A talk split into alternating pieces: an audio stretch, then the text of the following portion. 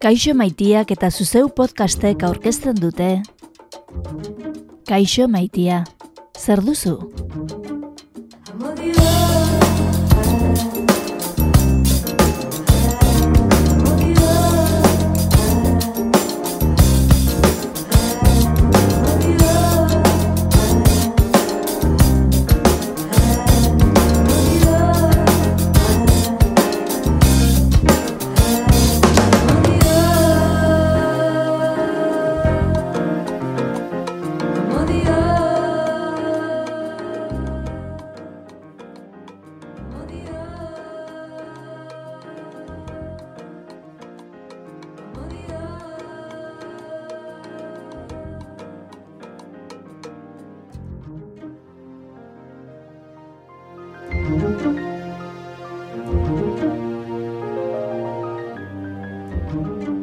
Kaixo maitia, zer duzu? Izeneko podcasta entzuten ari zara lagun. Eta saioaren nondik norakoa kasaltzeko erabili genuen zeroaren ondotik, hause duzu lehen atala. Kaixo maitiak eta zuzeu podcastek elkarlanean ekoiztutako podcast honek, Euskal Herritarron harreman afektibo eta sexualeen inguruko ikerketa izango du oinarri – maila afektibo eta sexualean zoriontzuak otegaren ezagutzeko asmotan kaixo maitiak egin zuena. Aztik erren laguntzarekin. 2006an egin zuen lehen aldi sexu inkesta kaixo maitiak.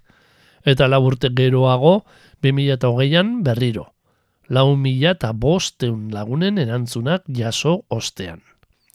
Orain podcast honetan ikerketaren emaitzak aztertzea dagokigu. Kaixo Maitiako Inigo Arandia eta Harremanak Osasun Zentro Integraleko psikologo eta sexologoa den Olatz Beraztegirekin batera. Ongi etorri.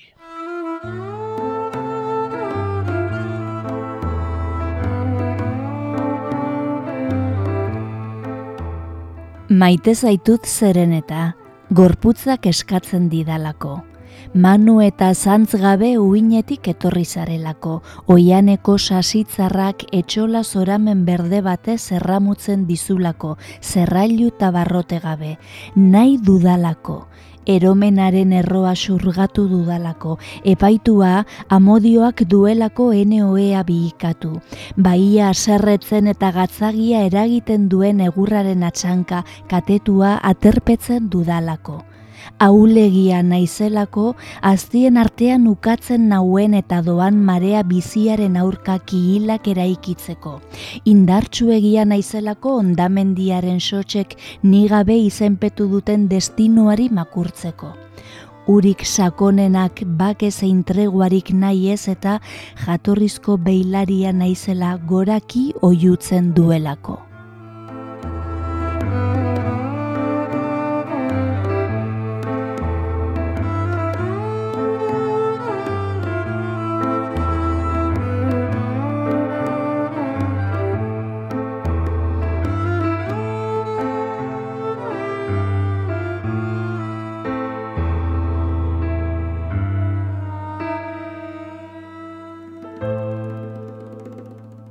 Zarreratxoaren ondotik eta ikerketan murgildu baino lehen, Isabel Etxeberria entzun dugu.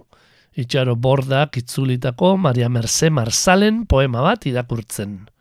Maite zaitut zeren eta zuz argitaletxearen munduko poesia kaierak bildumatik jasoa. Olerkiaren ondotik, hasi gaitezen astiro-astiro inkestako erantzunak aletzen. Euskal Herritarron harreman afektibo eta sexualen inguruko ikerketak lau atal nagusitan banatzen da. Eta horietako bat izango dugu gaurkoan izpide. Egoera afektiboa. Berau ezagutzeko egiten den lehen galdera nahiko arrunta da. Bikotekidea baduzu momentu honetan? Euneko irurogeita marrak, baietz dio. Kopuru altua da ez, baina gea da horrek azaltzen aldu, ba, bikotekidean bizi garela, eta horren atzetikan nahi bat dagoela, nahi bat dagoela, ez? Bikotekidea edo harremanaren beharra daukagula, ez? Gizakiak. Eta nire irakasle batek beti izaten zuen zergatik bikotea eta binaka errexena delako, ez? Batetik bestera. Orduan ba, ba, bueno, nik hori izango nuke, horrek hori agertzen dula, ez? Gure dimensio soziala, ez? Bikotea bestearen beharra. Aurtengo ikerketa eta 2006an egindakoa alderatzen baditugu, harritu egin gaitu kaixo maitiaren lehen sexu inkestatik gora egin duela nabarmen bikotekidea dutenen eunekoak. Orduan, euneko berrogeita mazortzikoa baino etzelako. Bai, e, niri ere harritu nau, ba, ikusi beharko ganuke zergatik eman den aldaketa hori, ez? Bueno, horre nik aipu txiki bat, e, nik uste hor badaukala metodologiarekin zer ikusia, e, eta lagina, lagina berarekin ere zer ikusia, eta esango nuke goengo hau transversalagoa dela, hor badakizue, galdeketa oraingoan lagina asko zondigoa zabalagoa izan dela, beste guen 2006koaren irikoitza.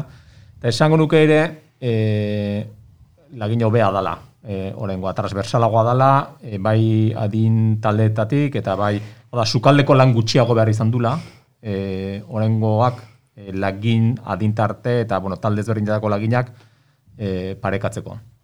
Eta nik uste hortik handatorrela, hortik handatorrela, mm, diferentzian nagusia, galdera hori da ez, gero beste batzutan e, badaude beste e, emaitza batzuk, eta ikusten da orokorrean e, zenbaitetan erantzunak harrigarriki antzekoak diela portzentaietan eta, bai? Hau da, aukera bat baino gehiago ematen dan e, galderetan, neko, ikusten dela, ba, kasu askotan, ia, eunekoa bera ere e, berdintzen dutela, 2000 maseiarik. Horrek ematen du galde batetik, segurtasun bat e, ondo egindako ikerketa bat dela, eta, eta beste galderatutan ikusten dugu, horren daitekela gehiago, e, bueno, pues, laginaren e, transversalidade aldeko e, kontu bat izan daitekela gehiago, bai? Eta kasu honetan nik horri jo, emango nioke garrantzia bikote irekiei buruz desente entzuten denarren, ez dirudi gurean osoikoak direnik. Euneko bostera ez dira heltzen eta. Ez, ez dira, oikoak nik uste dut e, teorizatzen dugunean edo ideala bezala bihurtzen dugunean gure beharra, bai asko jotzen dugula ez gustatuko liltzai guke. Baina gen ez dugu ikasi, edo ez ditugu ereduak, ez? E, eskuragarri ikusteko nola kudeatu daitezken, ez da erresa esan dut. Zergatik bikotea, bi, errexena delako, hau da, batetik bira, e, iru baino errexagoa da gestionatzea harremanak, gizaki soziala gera, hori da goinarrian, ez? Pertsonak harremanak behar ditugu. Orduan, nik uste ez ditugula bikoite irekien eredu asko, ikasteko nola ba, gestionatu eta hori ikasteko, ez? Eta bestaretik baita ere, beste modu batzuk bizitzeko beste modu batzuena. Zez bakarri bikotek irekiak, bakarkako bizitza, hau da, ez? e, sozializatu beharko genituzke agian beste eredu batzuk teorian nahi ditugunak, baina gero praktikan ez direla inerreixak.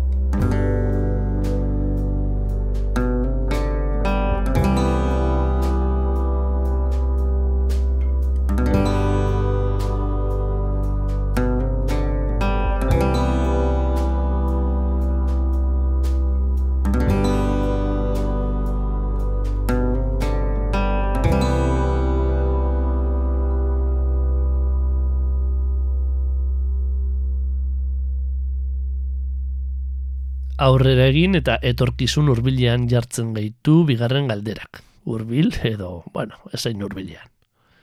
Bikotekidea baduzu, uste duzu hemendik bost urtera bikotekide berarekin jarraituko duzula? Euneko laro gehiak baiez dio, gustura dagoelako edo aldaketen beldurrez. Bueno, segurazki aldagai asko daudela horrez, lehenik eta behin nundi gatoz, ez? Eta, bueno, egia da aldaketak e, irudikatzen ditugula, baina zaiak egiten zaizkigula. Do, behintzat hori da nik ikusten dudala egunerokotasunean lanean, ez? Nahiko genuke, baina aldatzea ez da inerreixa. Orduan, bikoteari ere ematen eman nahi diogu, ba, harremanei, eta ematen diogu margena, nahiko genuke luzea izatea, ez? Eta hor gustora egotea. Gero ikusiko genuke hor, ze gertatzen den, eta ea, e, arretaz begiratzen diogun zainketari, e, ondo egoteari edo, ez? Edo eredua ja bera jarraitu behar dugulako jarraitzen dugun, ez? Baina egia da beharrezkoa dugula, zai egiten zaizkigula aldaketak. Bai, nik e, hau lotuko nuke e, horre txostenean taula bat punto bost taulan ere ikus daiteke, hor gurutzatu ditugu emaitza batzuk, e, galdera eta galdera hori erantzun dioten ezaugarri batzuen arabera, bai? Eta taula bat bost, taula horretan, e, jartzen dugu, egoera zibil horretan da araman denboraren araberako erantzunak. Bai? Eta nik uste hori importantea dela, ze hor badaude diferentzia handiak. Bai, egoera zibilaren arabera, eta bai, egoera zibil horretan da araman e, denboraren araberako erantzunak. Eta horra dibidez, bikotekidea gaiak gaukatenak, e, euneko berrogeita maiak bakarrik pentsatzen du, bost urte barru jarraituko dula egoera horretan, e, eta aldiz ezkondua dagoenaren euneko laro maikak erantzun du, hemendikan bostu urtera jarraituko dula egoera horretan, bai? E, eta egoera, egoera zibil horretan denbora gehiago daramanan adina, orduan eta ziurrago dago horrela jarraituko duela. Hau da, e, urte betetik bera da makinak, e, igual esaten du, ba, hemendikan bostu urtera ez uste, egon izenik bikote honekin, baina hogei urtetik gora damakizkinak, edo maika urtetik gora damakizkinak, pues, honeko laro gehi, honeko laro gehi taseiek bai esaten du. Ez? Osea, horre ere, e, bai, e, lehenengo galdera horren erantzunean orokorrean ikusten dira emaitza batzuk, baina gero hasten batzea pixka bat bigarren maila batera jaisten, ikusten dituzu ere e, emaitzak beste batzuk izan daitezkela, edo ezaugarri ezberdinen arabera erantzuten dela ere ezberdin. Bai. Sexu inkestak egindako galderen eta jasotako erantzunekin batera, emaitza deigarrienak agertzen dizkigu tauletan, eta jakina, zenbait estereotipo ere azaleratzen dira bertan. Inigo arandiak argitu digunez aldagai ugari ditu ikerketak. Joera sexualari dagokionarena esaterako. Bikote irekiak berbarako gehiago ematen dira gizonezko bisexualen artean, eta bost urte barru bikotekide beherarekin jarraituko dutela uste dutenen bataz bestekoa, haundiagoa da heterosexualen kasuan. Nire irakasle izaten du, ez? Estereotipo bat da, baina estereotipo bat ateratzen denean nunbaitetik atera da. Zan nahi estereotipoak ez du esan nahi datuik horrez daudenik. Ez? Estereotipoa bihurtzen da, hor gertaerak daudelako eta bai ematen da. Ez? Egia da, e, inkestan ikusten dena da, isladatzen dena eta ematen dena gizartean. Harreman homoseksualak eta batez ere mutien arteko harremanetan, joera gehiago dago harreman irekiak izatea, edo praktika gehiago esan nahi dut ez, bizi, e, modu horiek zabalduago daude, e, integratuago dituzte, agian praktika eraman dituzte, eta agian hor, eredu bat izan dezakegu baita ere, ez? E, nola baita ikusteko, ez? Ze moduak dituzten hori gestionatzeko. Zan nahi du mutien artean, zen artean aldiz ezberdina izaten da. Ez? E, bikote homoseksualak e, neskak direnean, ez dituzte ezaugarri berdinak. Orduan, topikoak dira, ematen dira, gauza da ikustea, ez? Eta hortikan ikastea, ez? Baita ere, edo begiratzea, zeatera dezakegun, e, zertarako balio dezaken, ez? Hor ikusten duguna.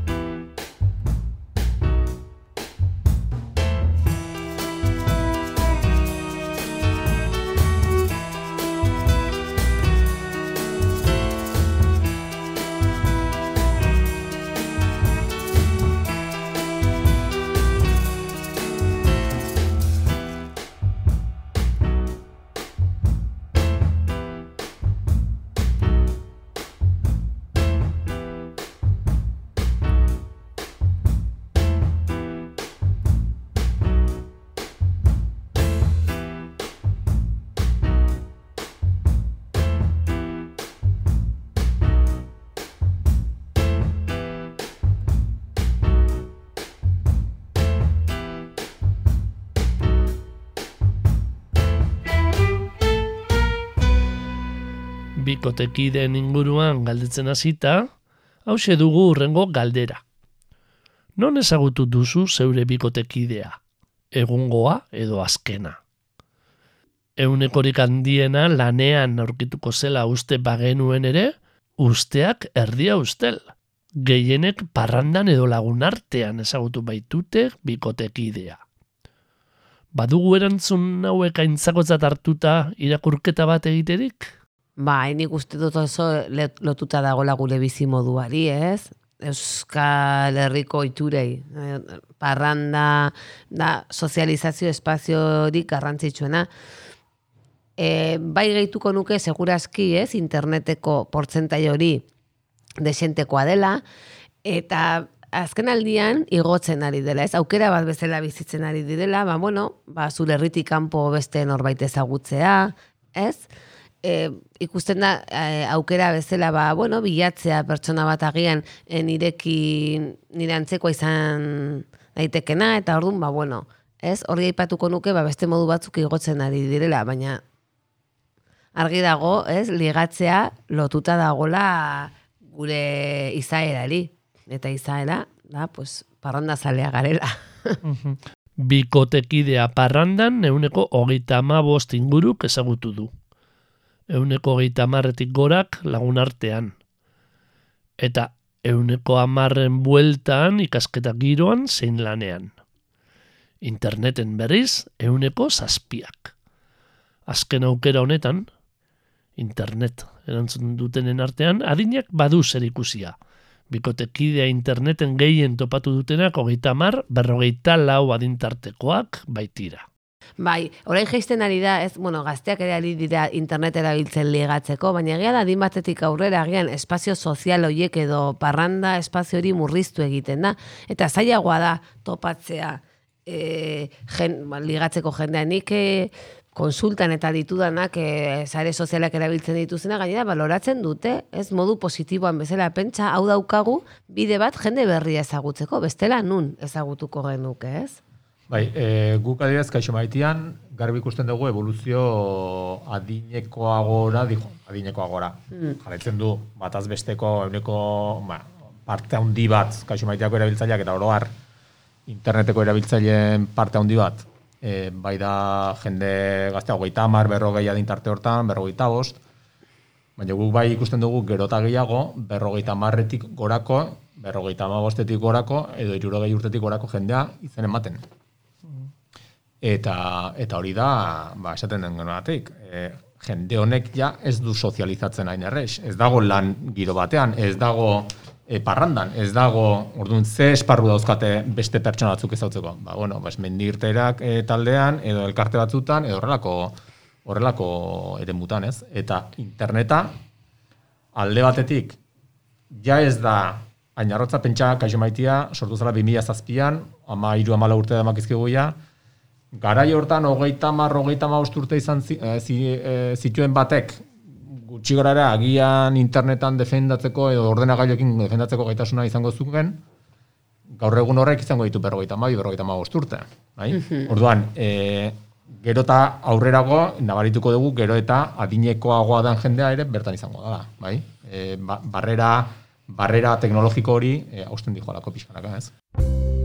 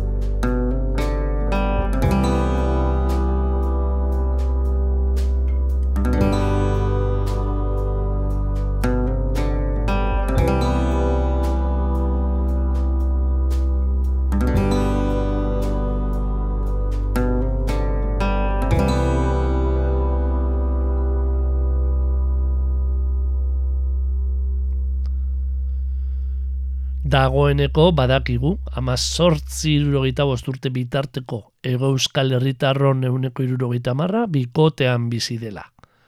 Etorkizunera begira horrela jarraitzeko intentzioa duela eta gehienek parrandan edo lagungiroan ezagutu dutela bikotekidea. Baina, posible ote da bikotekidea zenbat maite duzun zerotik amarrera baloratzea. Bai, bai, sexu inkestak horrela egiten du. Zerotik amarrera, zenbat maite duzu zure bikotekidea?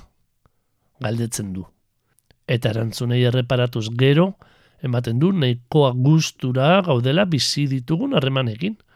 Bataz bestekoa sortzi koma sortzi baita. Izugarri altua.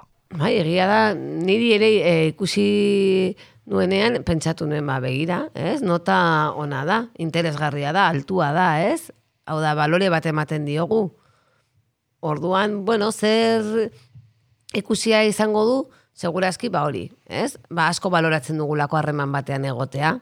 No, ba, lehenengo balorea agian hori dela, ez? Pertsonaren behar hori so- sozial hori beste batekin egotea, beste baten gati maitatua sentitzea, eta ba, horrek ja gehitzen dio plus bat, segurazki. Eta gero hor, bueno, ba, batzuk esango duke, agian ez dugu gehiegi eskatzen, edo egia da, ba, hori baloratu dutenak ondo moldatzen direla harremanean, ondo zaintzen dutela harremana. Hori ere izan daiteke, zortikan, e, segurazki, e, gero galdera gehiago ikusita, batera ditzazkegula ondorio asko, ez? Hau da, zortzi horren atzetikan zer dagoen, ez? Nola zaintzen diren, zer da garrantzitsua bikote harreman batean. Dato interesgarriak, ba, osagai bezala, ba, lantzeko, ez? Bai, nik hemen aipatuko nuke agian, e, bataz besteko area, amar, amarretik zortzi koma zortzi, atera da, iru mila eta berrenu erantzun, era, iru mila eta berreun pertsonak erantzun diote e, galdera honi, eta bataz besteko zortzi koma zortzi da, are deigarriagoa da, agian, e, euneko laro malauak baloratzen duela zazpitik, horrazkenen taldekatu egin ditugu emaitzak, ba, zero lauan artean bat ere edo, edo, bat ere edo gutxi, erdi purdi maitatu da sentitzen da boste da sei eman dutenak, eta asko edo izugarri zazpitik amarrera bitarteko balorazio egin dutenak. Zazpitik amarrera bitarte hau da, bere gaia, ni bentak gaztetan zazpi batekin neko kontentu ateratzen eta e, e, nota atera ezkeola matematikan zazpi bat, e, Uneko laro gaita malauak, eman du zazpitik amarrera bitarteko balorazio bat, bere harreman, bikote harreman, e, bikote harremanari ez, maitatua, e, o zenbat maite duzun zure bikotekidea horri erantzun da. Orduan, nik uste dut hor e, hori aipatzekoa dala, gora aipatzeko, gora aipatzekoa da, behintzat e, nabarmentzekoa badala. Eta beste parte bat nabarmentzekoa dana da, taula gurutzatutan ikusten dian, hau da, e, lehenago aipatu duguna, ez? E, pues, adina, joera sexuala, edo, edo beste, beste aldagai batzun arabera e, baloratu daukoak, ez dagoela be, e, berezitasun gehiagirik, denak oso e, homogenoak diala erantzunean. Hau da, e, er- erantzun oso antzekoak eman dutela. E, urte asko da makizketena bikoteki, e, e, bikote harremanean, e, e, homosexualak dianak, heterosexualak dianak, hogeita mala urte dituztenak, edo, osea, neiko emaitza homogenoak eman dituztela denak. Bai? Hori ere, neko, neko, bueno, deigarria egin zaigu. Zalantza barik, aldagai interesgarria dugu hori.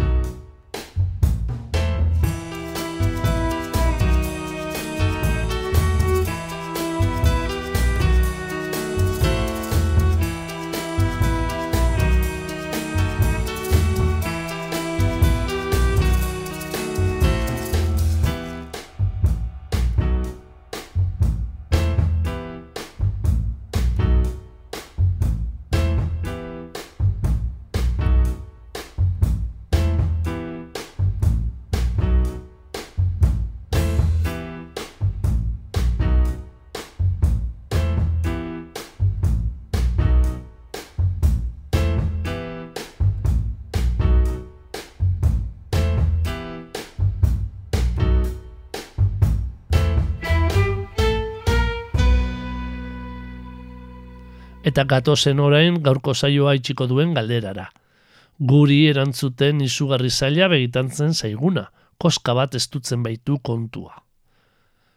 Zerotik amarrera, zenbateraino sentitzen zara zure bikotekideak maitatua.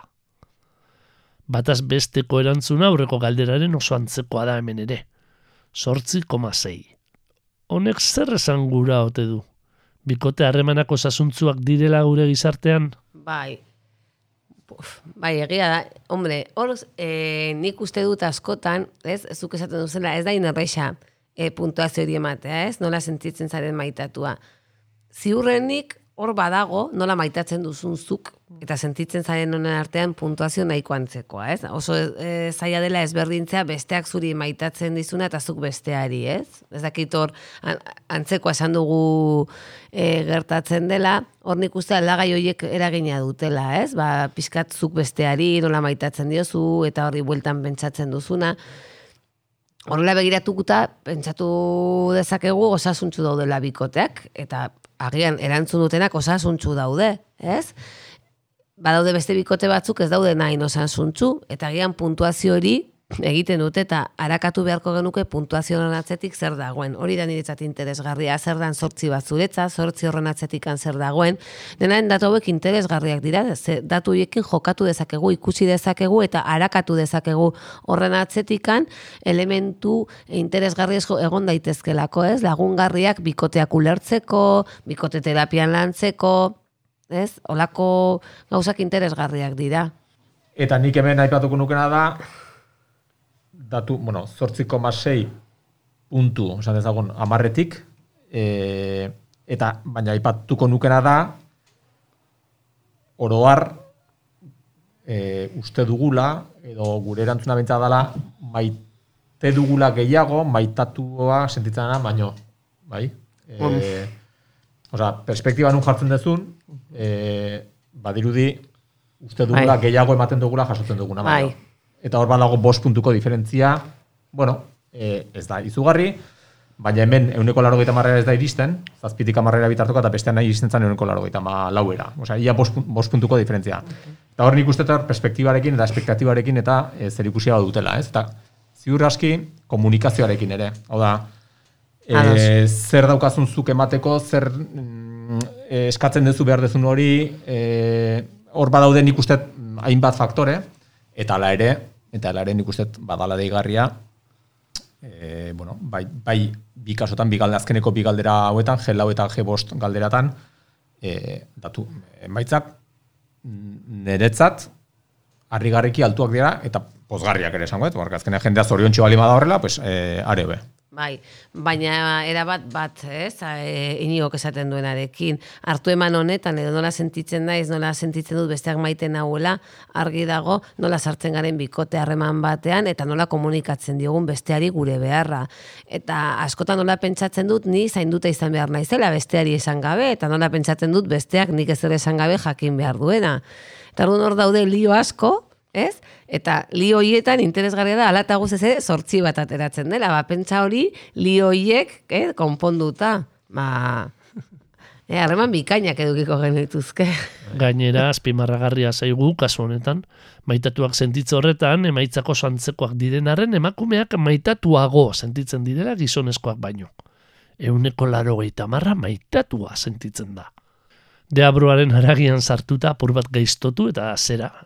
Esan genezake askoka kaso bote prontoan erantzungo zutela inkesta. Eta maitzak ezberdinak liratekeela apur bat gehiago osnartu edo bikoteakidearekin gai hauetaz hitz egiten hasiz gero. Edo? Bai, hori izan duzu, ni zortzi horren atzetikan zer dago, ez? Hori guk konsultan asko egiten dugu, etortzen da pertsona bat konsultara, eta gehienetan ongi, ez batzuena, ongi, eta esan dut, bueno, irekin azu ongi hori, ez? Zer da ongi zuretzat, zer suposatu du ongi horrek amabostegun hauetan, eta orduan ja, hor, eh, ongi horiek, ba, e, zehazten joaten zara eta ikusten duzu horren atzetikan, hori zenbaki horren atzetikan, eh? ze ezaugarri gehiago dauden, eta hori interesgarria da. Baina, ze joera daukagu baita ere, egia da, baloratzen dugula positiboan, hori nigok esan duena. Bueno, datu bat bada, ez? Interesgarria litzateke hori gehiago arakatzea, gehiago ikustea, eta, bueno, ez? Zerbait baliogarria ateratzea, baina, hola, zortzi bat, pentsa. edo zein kasutan eta urrengo asteetan jarraituko dugun arren Euskal Herritarron harreman afektibo eta sexualen inguruko ikerketa aztertzen, podcast berri honen lehen atala oso modu positiboan itxiko dugu, maitatuak garenaren sentipenarekin. Alabedi. Kaixo maitia, zer duzu? Podcastaren sintonia makala disko jartzailearena da. Eta saioan zehar entzun ditugun musika pasarteak Gernikako audienz taldearenak izan dira. Jai alai blues lanekoak. Oso bestelakoa izango da, gaurko jarduna bukatzeko jarraian entzungo dugun kantua. Atal bakoitza, doinu batez isteko asmoa dugu eta. Orain gutxi, dakizuenez, ama urte bete dira lurde ziriondo, ez doka mairuko partaidea zendu zela. Eta bere kantu bat entzungo dugu. Maitasun honek, zugan dirudi. Ez bere ahotzean baina. Aire aizpak taldearenean baino. 2008an bidezka lanean akapela jasoa. Maitasun honek zugan dirudi. Egun senti bat ilunean Zelaiak legor txoririk ez argirik gabe. Gau isile eta egun senti tristean. Maite dut zure izena Isilik beti erraitea Maite dut, maite dut gauean Zure izena erabiltzea La la la la La la la la La la la la La la la la La